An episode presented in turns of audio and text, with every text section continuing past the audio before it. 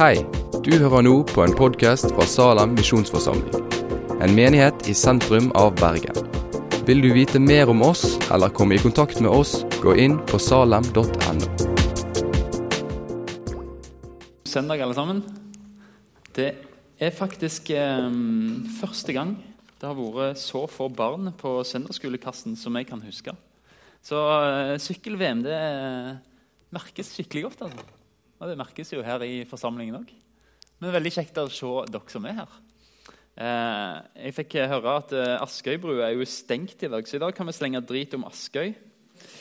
Eh, og det, så I dag blir talen litt lengre enn vanlig. da. Neste gang er det vi på Sotra som får det, så da kan det være at Paul Reidar som skal tale, kan stå og slenge drit om Sotra uten at jeg får høre det. uten... Det er ikke helt lett det der med sykkel-VM og Sotra og Askøy når de stenger bruene våre. Um, har dere, Vi har delt ut noen sånne i semesterstart. Der vi driver på og ber for uh, venner som ikke er kristne. Um, det er veldig spennende. I, uh, i går i Salomon uh, så var han ene som jeg ber for, han var med. Um, ikke bare han, det var sju stykker som uh, ikke hører til i Salem, som var der. Eine ene fikk melding nå rett før møtet begynte, der jeg fikk melding av, av, en kar som sa han som var med meg i går. Jeg hadde aldri trodd han skulle si det, men han, han sa faktisk at han har lyst til å komme tilbake igjen. Han trivdes så godt i Salomon. Det, hvis du ikke har en sånn, eh, der vi ber for våre ikke-kristne venner sammen, eh, så få med deg en sånn bak, bak på infobordet etterpå. Veldig spennende eh, å være med på. og Veldig inspirerende å se i går at så mange eh, som ikke hadde vært i salen før, var på besøk. Eh, så jeg har lyst til å bare minne om en ting. Det er 25. november. Da skal vi ha julemesse. Eh, vi trenger folk eh, til å lage ting til landhandelen. Eh, om du vil strikke, lage, tenke på et eller annet, eller gevinster eller hva som helst, og folk som er med i tjeneste òg, så hold av 25.11. Og hvis du tenker at du har lyst til å bidra med noe, så er det bare til å ta kontakt med, med oss. Så er det sagt. 25.11. Jeg tror det blir en veldig veldig stas dato. Men vi skal begynne med å be litt. Be litt for for talen og for det som eh, skjer i byen og litt ellers. Eh, vi kan nevne Det er ei i Salomon som jeg trenger ikke nevne navn, men siden vi er så få her, så eh, gjerne ta med dere eh, hun og familien, for de har en, broren hennes som er savna, og de vet rett og slett ikke hva som er skjedd. Eh, jeg fikk vite om det på torsdag, eh, så vær med i bønn for hun og familien. så ta det med dere gjerne. Herre Far, takk for, eh, takk for en ny helligdag, takk for en ny søndag. En dag der vi kan få koble litt av og hvile litt. Jesus, jeg ber om at du kan gi oss eh, noe fra deg i dagens tekst gjennom det jeg skal si. Jeg ber eh, om at du må utruste oss her i salen med alt godt, sånn at vi gjør din vilje, Gud. At du gjennom Jesus og gjennom Den hellige ånd kan skape i oss det som er godt etter ditt hjerte, kjære far. Jeg ber for fellesskapet, Jesus, hjelp oss til å se hverandre med dine øyne. Til å hjelpe hverandre med dine trøstende ord og med dine hender. La oss få være sånne som maler deg for øynene på hverandre gjennom måten vi er med mot hverandre på Jesus. Jesus, jeg har lyst til å be for denne jenta og familien som har en savna bror. Jesus, jeg ber om ditt nærvær midt i trøsten. Tal til denne broren Jesus der han er. Vis han at du er med. Jesus, jeg visdom til alle som har med saken å gjøre. Og Vi er helt hjelpeløse, Jesus, men vi legger det i dine hender. Så ber Jesus for alle disse som var på besøk i Salem i går. Og alle de som vi ber for i fellesskapet i Salem, Jesus. Alle disse som ikke kjenner deg ennå, men som vi ber for, og som vi bærer framfor deg. Jesus, kall på dem. Jeg ber om at du viser dem sannheten Jesus, at den kan få sette dem fri. Gi oss frimodighet til å snakke med dem om tro om tvil, om vitnesbyrd. Og ber Jesus om at uh, vi kan få bli brukt av deg til å vinne nye mennesker. Jeg ber om at du legger nye mennesker til i salen, Jesus, at vi kan få se mennesker som, som kommer, som er nysgjerrige, som er sultne på sannhet. Vi skal bare la det være litt stille, så vi kan legge fra oss alt som vi tenker på, eh, og be til Gud om at han kan forberede oss på sin spesielle måte på talen. Så vi lar det være litt stille, så kan du komme fram for Gud med det som ligger vekk på hjertet.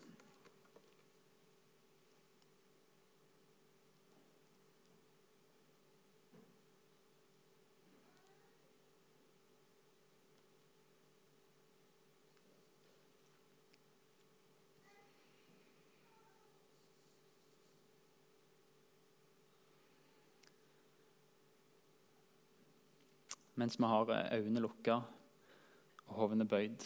Eh, så jeg kan gjerne tenke meg å be for deg som kjenner at det hadde vært godt å bare blitt bedt for. Jeg trenger ikke si hva det er, men bare rekke opp ei hånd eller uh, gi en, et tegn, så skal vi ta deg med i bønn. Mm. Ja. Herre Far, vi kommer til deg med det som ligger på våre hjerter. Jesus, jeg ber for deg nå som, som bar sin bønn med å rekke opp hånda. Jeg syns du kjenner hver enkelt av dem. Ber Jesus om at du ser til dem og gir dem det de trenger. Takk for at du er god, Jesus, og at uh, du vil oss det aller beste. Jeg ber om at du kan møte oss i dag gjennom ditt ord, gjennom tale, gjennom sang, gjennom fellesskap etterpå.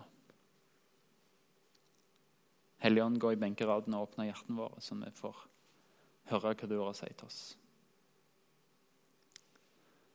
Ditt navn. Amen. Teksten i dag er henta fra Bergpreken, fra, som er i Matteus 5-7. Eh, veldig fine tekster. og Vi skal lese dagens tekst, som handler om menn som bygger hus, men vi skal ta, oss, ta med oss litt mer eh, rett i forkant. Men vi kan reise oss, og så leser vi fra Matteus 7, Eh, vers 13-29. Gå inn gjennom den trange port. For vi er den port, og bred er den vei som fører til fortapelsen. Og mange er de som går inn gjennom den. For trang er den port, og smal er den vei som fører til livet. Og få er de som finner den. Vokt dere for de falske profeter. De kommer til dere i fåreham, men innvendig er de glupende ulver. På fruktene skal dere kjenne dem. Sanker en vel druer av tornebusker eller fiken av tistler? Slik bærer hvert godt tre god frukt. Men et dårlig tre bærer dårlig frukt. Et godt tre kan ikke bære dårlig frukt, og heller ikke kan et dårlig tre bære god frukt. Hvert tre som ikke bærer god frukt, blir hogd ned og kastet på ilden.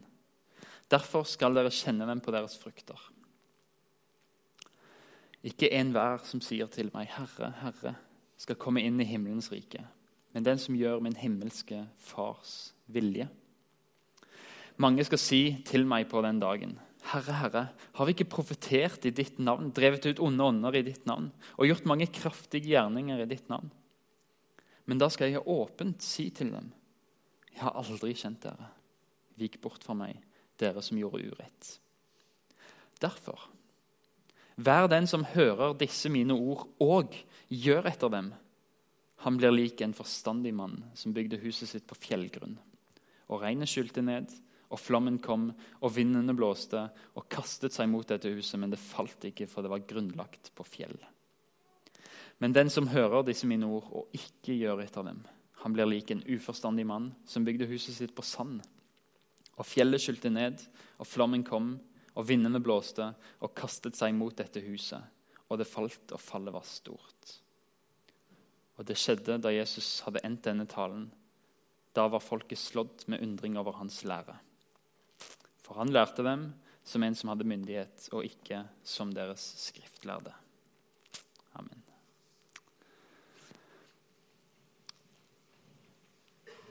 Det er nå dere er veldig glad for at dere har en pastor som har bosatt seg i fjell.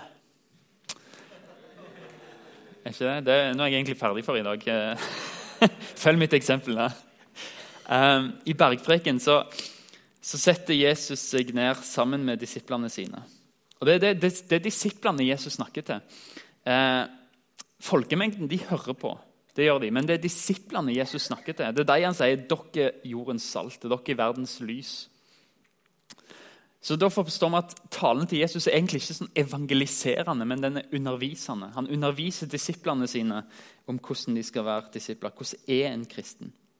Og Vi har hørt mange ganger denne teksten blitt snakka om som evangeliserende. og Egentlig veldig godt brukt som det òg. Eh, men vi skal prøve å sette oss inn i disiplene sin situasjon. De som sitter rundt Jesus og hører denne talen, og Jesus snakker til deg. De som er kristne. Og Jesus advarer disiplene sine der han sier det finnes mennesker som kaller seg kristne, men de er ikke det. De er falske kristne. Og Deres kjennetegn falske er at de etterligner det som er ekte. Og Her er det veldig mye ransakende, men, men, det skal få være et bakteppe for, for lignelsen om bygningsmennene. Det ble bygd to hus som tilsynelatende egentlig identiske. Jeg kan se for meg at de egentlig var bygd etter samme tegningen, til samme mal. Um, et av husene var bygd på sand, og et av de var bygd på grunnfjellet. Den vise mannen som bygde huset på fjell, det stått at han er den som hører Guds ord og gjør det de sier. Den uforstandige er den som hører, men som ikke gjør etter det. Så steingrunnen egentlig er lydighet mot Guds ord, og sandgrunnen er ulydighet. Og så sier Jesus at dere som er kristne, dere som er disiplene mine, pass på at du bygger huset ditt på lydighet.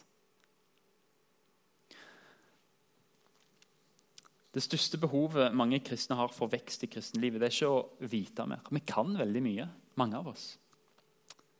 Men å være lydig mot det vi allerede kan.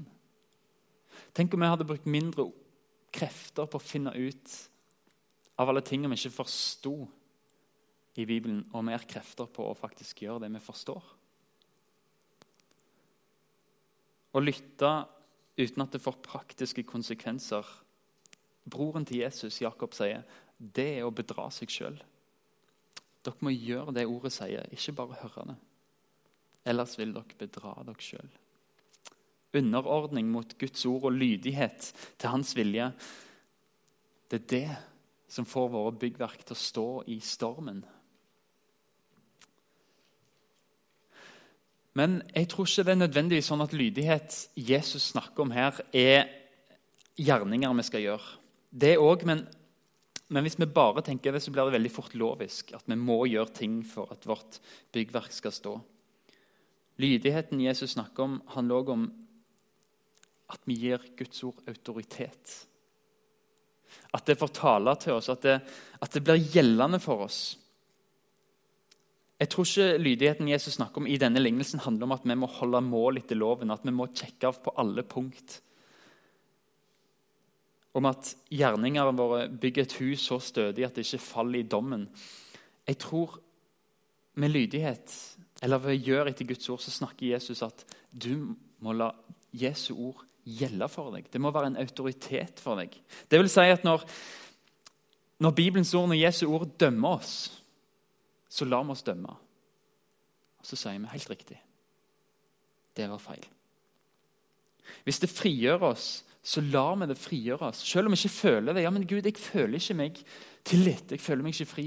Så sier Jesus, nei, men la mitt ord gjelde for deg. Jeg sier at du er tilgitt. Tro det. Hvis Guds ord formaner oss, så blir vi ikke hovmodige og sier nei på min måte, men vi blir ydmyke og så sier jeg, OK, Gud, vi lar oss formane. Og Hvis Guds ord peker på Jesus for oss, så følger vi blikket og så ser vi på han som er troens opphavsmann og fullender. Jeg tror lydigheten Jesus snakker om, handler om det. Å la Guds ord få gjelde oss. Sånn er vi lydige mot Jesu ord. Vi lar det være sannhet i livet vårt.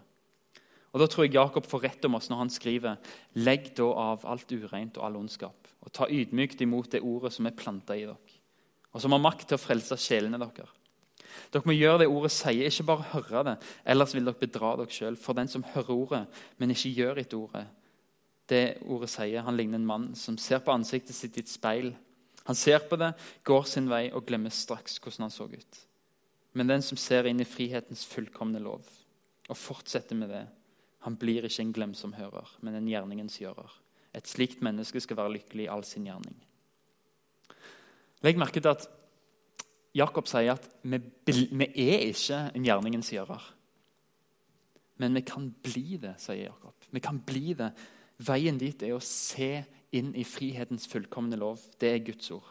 Å se inn i Bibelen.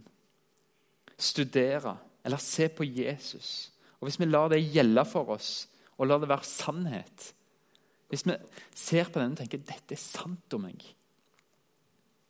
og så begynner vi å oppføre oss som om dette er sant, så blir vi en gjerningens gjører. Og Jesus sier det samme som Jakob, faktisk, med andre ord. Bare med litt andre ord. Fordi Han sier at den som hører ordene mine og gjør etter dem Jesus sier ikke at han er en forstandig mann som bygger huset på steingrunn. Jesus sier at den som hører ordene mine og gjør etter dem, han blir en forstandig mann som bygger huset på fjellgrunn. Forskjellen på forstandig og uforstandig, på hus som står og hus som faller, det er hva holdning vi har til Guds ord. Lar vi det være sant for oss?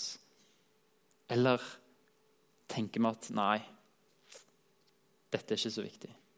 Det handler ikke om hvor mange talere du har hørt, men hvordan du møter det budskapet du hører. Du kan få A i kristen etikk uten å være kristen. Kunnskap er nødt til å bli handling. Teori må bli praksis. Teologi må bli liv. Det er lite poeng i å gå til en doktor hvis du ikke er forberedt på å faktisk gjøre noe med det han sier. Likevel er det tusener av mennesker som hører Jesu ord hver søndag, og som vet veldig godt hva Jesus sier, og kan lære, men som gjør lite eller ingen forsøk på å sette det ut i livet. Jesus sier en disippel hører og gjør etter Guds ord. Når du lytter, så bygger du et hus. Men alle kan lytte. Men når du lytter, og lar det få være sannhet, og gjør noe med det du hører, da sier Jesus da, det arbeidet er å grave ned til grunnfjellet. Det støyper fundamentet på grunnfjellet, og det å stå stødig uansett hva som kommer. Jesus nevnte noe med falske kristne. og Det er et viktig poeng i tallene hans. Det leder oss til å ta en kikk egentlig videre på de to husene. fordi På overflata ser disse to husene ut helt identiske. Iallfall i mitt hode når jeg leser, leser, lignelsen. De ser helt like ut. Og hvis, hvis, noen hadde stilt meg foran disse husene og sagt eh, gjett hva for et hus som kommer til å ramle når stormen kommer, det hadde vært ren bingo. Jeg hadde ikke sett forskjellen på dem. Og Sånn tror jeg det er med, med mange som kaller seg kristne òg. Begge bygningsmennene var gode arkitekter. Det så kjempebra ut på fasaden. Men det er to forskjeller. Den ene er fundamentet, grunnen, grunnfjellet. Den andre er, som en følge av det, hvor mye arbeid det vil ta, og hvor mye krefter det vil koste å bygge det huset. Huset rett på sandgrunn det er egentlig veldig enkelt. Det er bare vegg, vegg, vegg, vegg, tak, gulv, ferdig. Det ser bra ut, og kanskje er det greit for ei stund. Men det koster utrolig mye mer å grave ned til grunnfjellet. For at grunnmuren skal støypes skikkelig fast. Det koster masse krefter, masse forsakelser. Den som er vis, måtte grave dypt. og Det kunne ta ukevis å grave uten gravemaskin eller hva som helst ned til grunnfjellet og få en stødig grunnmur. Det å grave seg unna sin egen fasade Vi vet at det koster mye. Å se på sitt eget hjerte og si Wow, her, Jesus, her må vi gjøre en jobb. Jeg må skape vaner og rutiner for at Guds ord kan bli en del av det som er under fasaden vår. Ikke bare timeplan-kristendommen. Søndag klokka 11, lørdag klokka 19.30. Bibelgruppa, bønnemøte fast. Vegg, vegg, vegg, tak, gulv. Men det som er bak der Hvor mye tid bruker vi på byggene? Den uforstandige, han som bygde huset på sand, han kom til tomta, og så så han på seg sjøl, og så tenkte han ah, det er egentlig greit nok, det her. Jeg, jeg tar sjansen på å bygge på meg sjøl, egentlig. Um, jeg tror det her er godt nok. Jeg trenger ikke jobbe noe mer med det. Og huset hans kunne, kunne gjerne fått navnet Herre, Herre. Men grunnmuren hans var meg meg. Og livet viser den egentlige Herren, som er synd og begjær. Fallet var stort, sier Jesus. Forskjellen fra den vise, det er at den vise ser at han kommer til plassen til tomt, og så sier han, 'Jesus, dette her er ikke noe å bygge på.' Jeg er ikke noe å bygge på. Jeg har absolutt ingenting, Jesus. Mens den uforstandige sier, 'Jeg er rik, jeg har i overflod, jeg mangler ingenting.' 'Jeg er en god grunnmur.' Vi bare bygger opp på meg, Jesus. Vi kan la Jesus sjøl gjennom apostelen Johannes få komme med en kommentar til den tankegangen. Jesus sier, 'Du sier, jeg er rik, jeg har overflod, jeg mangler ingenting.' Men du vet ikke at nettopp du er elendig og ynkelig, fattig, blind, naken. Derfor gir jeg deg det råd at du kjøper gull av meg, grensa i ild, så du kan bli rik. Og hvite klær som du kan kle deg med, og skjule din nakne skam, og salve til smøre på øynene dine, så du kan se. Jeg refser og irettesetter alle jeg har kjær. La det bli alvor, og vend om. Se, jeg står for døra og banker. Om noen vil høre min røst og åpne døren, vil jeg gå inn til han og holde måltid. Jeg med han, han med meg. Terskelen, nei, Teksten og konteksten i dag det handler om falske og sanne disipler. Og Sannheten Jesus legger fram, er at det, det er faktisk ikke så lett å se forskjell. For meg har det her vært veldig, veldig ransakende å sette meg inn i. Jesus kan se inn i hjertet, så Jesus vet. Men for alle andre så er det ikke så lett å se forskjellen på en sann og en etterligning. De to har forskjellige grunnfjell med hus som ser helt like ut. Og Jesus sier det helt åpent ut. og Vi kunne kanskje sagt at Jesus er ikke det litt dømmende, ikke det å hoppe i salaten og tråkke i salaten, men han sier det fins sanne kristne, og det fins falske kristne. Og jeg vet hvem de er.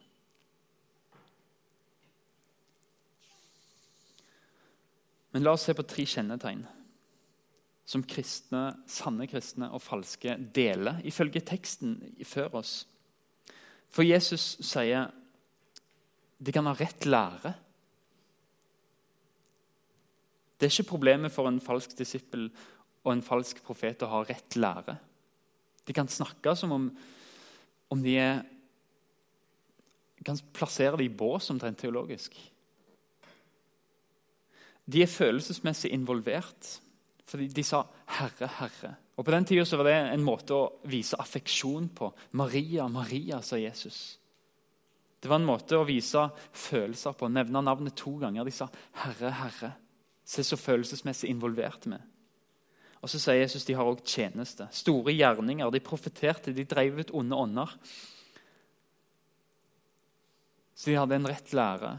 De var følelsesmessig involvert og de hadde tjeneste. Men det Jesus sier at hvis du har disse tre tingene, så er du ikke nødvendigvis en kristen. For en kristen har disse tingene, men, men falske kristne har òg disse egenskapene. Det beviser ikke at du er en sann kristen. Falske disipler kan skjule seg bak et fromt språk. Herre, Herre. De kan skjule seg bak fromme gjerninger og forkynnelse og mektige gjerninger. Men Jesus gjennomskuer det, så sier han, 'Jeg har aldri kjent dere'. Vi kan lure oss sjøl, vi kan lure andre, men vi kan aldri lure Gud, som ser til hjertene våre. Men så lærer Jesus oss i dag at det fins to tegn på sanne kristne. Og de må vi finne ut av. Hva er det for noe? Hva er de to tegnene? Det ene er at de ser på Jesus som Herre. Ikke bare en god Gud, god far, kjærlighet, men de ser på han som Herre. Og Ikke bare kaller de han Herre, men de, de lytter til han, og de lar det han sier, få autoritet inn i livet deres. De er lærevillige når de feiler. De tar kritikk og formaning og tar det til etterretning og omvender seg. Men de lar Jesus være herre og lar han få siste ord i alt. Det er det ene. De ser Jesus som herre. Og det andre er at de forstår nåden. De forstår nåden. Husene som bygges, de ser helt like ut. De er bygd på en rett lære, på tjenester, på følelsesmessig involvering, på religiøs aktivitet. Men, men det ene huset som står, er bygd på Guds grunnfjell. På nåden. Det andre er bygd på egenrettferdigheten, som er sann. Hvis du baserer kristenlivet ditt på tjeneste, på følelser, på rett lære, så vil huset falle. Men hvis du baserer huset ditt og livet ditt på Jesu nåde, så vil det stå. Det er sånn en kristen bygger på fjell. Han ser Jesus. Min omvendelse, den er halvveis. Jesus, mine følelser, de kaller. Min lydighet strekker ikke til Jesus. Jeg tar stadig feil. Derfor ser jeg behovet for å grave etter en annen grunnmur. Jeg graver i desperasjon til å se grunnfjellet, som er Jesus. Guds sønn som døde for mine synder, betalte straffen og tok imot meg for sin skyld. Her er grunnfjellet, ei helt klippe, og det er bare nåde. Her er det som kan holde meg oppe, selv om stormen er for stor for meg, den som skal komme. Klippen som aldri får gå. Paulus så dette, og hadde, Paulus hadde all grunn til å skryte over seg sjøl og sin egen person, men så likevel at å bygge frelsen på seg sjøl var sandgrunn. Hans vitnesbyrd er vi gjør tjeneste ved Guds ånd. Vi har vår stolthet i Kristus Jesus og setter ikke vår lit til det ytre. Ytre sett har jeg grunn til selvtillit, om andre mener de kan sette sin lit til det ytre, kan jeg gjøre enda mer. Jeg er omskåret på den åttende dagen. Jeg er av Israels folk og Benjamins stamme, hebreer av hebreer, lovlydig fariseer, en brennende ivrig forfølger av kirken, uklanderlig i min rettferdighet etter loven. Der han sier at jeg kunne bygd et hus på sandgrunn, og det hadde sett ekstremt bra ut. Men så fortsetter han. Men det som før var en vinning for meg, det regner jeg nå for Kristi skyld som tap. Ja, jeg regner alt som tap, fordi det å kjenne Kristus Jesus, min Herre, er så mye mer verdt. For hans skyld har jeg tapt alt, og alt jeg har tapt, regner jeg som verdiløst skap. Bare jeg kan vinne Kristus og bli funnet i ham. Ikke med min egen rettferdighet, den som loven gir, men med den rettferdighet jeg får ved troen på Kristus. Det er rettferdigheten fra Gud, bygd på tro. Da kjenner jeg ham, og kraften fra hans oppstandelse får del i hans lidelser og blir lik han når jeg dør som han måtte jeg bare nå fram til oppstandelsen fra de døde. Og så er det noe fint Paulus fortsetter med. For vi tenker ok, Her er det en som har grepet kristenlivet, som fikser det, som bare baserer seg på Jesus hele tida. Men han fortsetter. Og det her har vært til trøst og til hjelp for meg så mange ganger. Der han sier, 'Søsken, jeg mener ikke om meg sjøl at jeg har nådd dette eller er fullkommen.' Men jeg jager fram mot det for å gripe det fordi jeg sjøl er grepet av Kristus Jesus. Mine søsken, jeg tror ikke om meg sjøl at jeg er grepet, men én ting gjør jeg. Jeg glemmer det som ligger bak. Jeg strekker meg etter det som ligger foran, og jager mot målet, mot den seiersprisen som Gud fra det høye har kalt oss til i Kristus Jesus. Paulus så det. Jesus er grunnfjellet som holder. I stormen. Å bygge avis er å la Guds ord gjelde for deg. Da oppdager du at, alt, at du trenger Han og du graver ned til han som er grunnfjellet. Helt til slutt. Jeg jobba med denne teksten, så tenkte jeg Det her er vanskelig. Å være en lydig kristen. Den gjør noe med meg. Den, den viser meg hvor mye jeg mangler fra å være en sånn vis mann som bygger huset på sand. Og hvor, hvor lett det er å bygge på sand. Den teksten her gjør noe med meg. Den gjør meg fattig i ånden. Den viser meg at jeg har ingenting å bidra med. Den teksten får meg til å sørge over hvor dårlig grunn jeg er. Jeg kan ikke gjøre noe med det. Det er sånn jeg er. Denne teksten gjør meg ydmyk. For jeg ser å, jeg har virkelig ingenting å bidra med her. Her er jeg svak, Gud. Og denne teksten får meg til å hungre og tørste etter det grunnfjellet. Trøsten for meg har vært at det vi har lest nå, det er en del av en tale. Og Jesus innleder talen med svaret på alle disse spørsmålene. Jesus innleder talen, og dette skal du få ta til deg. Hvis teksten gjør det samme med deg som han gjorde med meg, så er dette trøstens ord. Hør hva Jesus sier i det samme talen. Han åpner med det, for han vil understreke det. Salig er de fattige i ånden, for himmelriket er deres. Salige er de som sørger, for de skal trøstes. Salige er de ydmyke, for de skal arve jorda. Og salige er de som hungrer og tørster etter rettferdigheten, fordi de skal mettes. Når du er fattig i ånden, når du sørger over din tilkortkommenhet, når du ydmykes over ditt dårlige kristenliv, når du hungrer etter rettferdighet, så sier Jesus da er du salig. For da ser du at du trenger fjellgrunnen. Da ser du at din sand ikke er nok. Da drives du til Jesus, og du drives til grunnfjellet. Stå på Han, så skal du aldri i evighet falle. Etterpå så er det mulighet til å gå til forbønn bak der med stolene. Og I dag er vi få. La det få være til frimodighet for deg. Um, det er bak der, bak noen skjermer. Er det noe som du tenkte på i løpet av talen eller i løpet av møtet generelt? Eller noe du ønsker å legge fram for Gud, så kom der til forbønn. Um, så vil vi be for deg uh, og legge deg fram for, for Jesus. Det er det beste vi kan gjøre for deg. Du skal lovsangstimen få komme opp, og så skal vi fortsette litt og synge litt eh, etter at eh, vi har bedt. Kjære far, takk for at du er fjellgrunn. Takk for at du eh, metter oss når vi er sultne på rettferdighet. Jesus, du har rørt med meg i den teksten om at jeg trenger å grave ned til deg.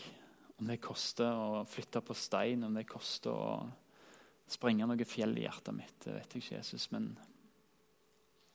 jeg ber om at du kan få hjelpe meg til å bygge på en måte som er etter din vilje. Amen.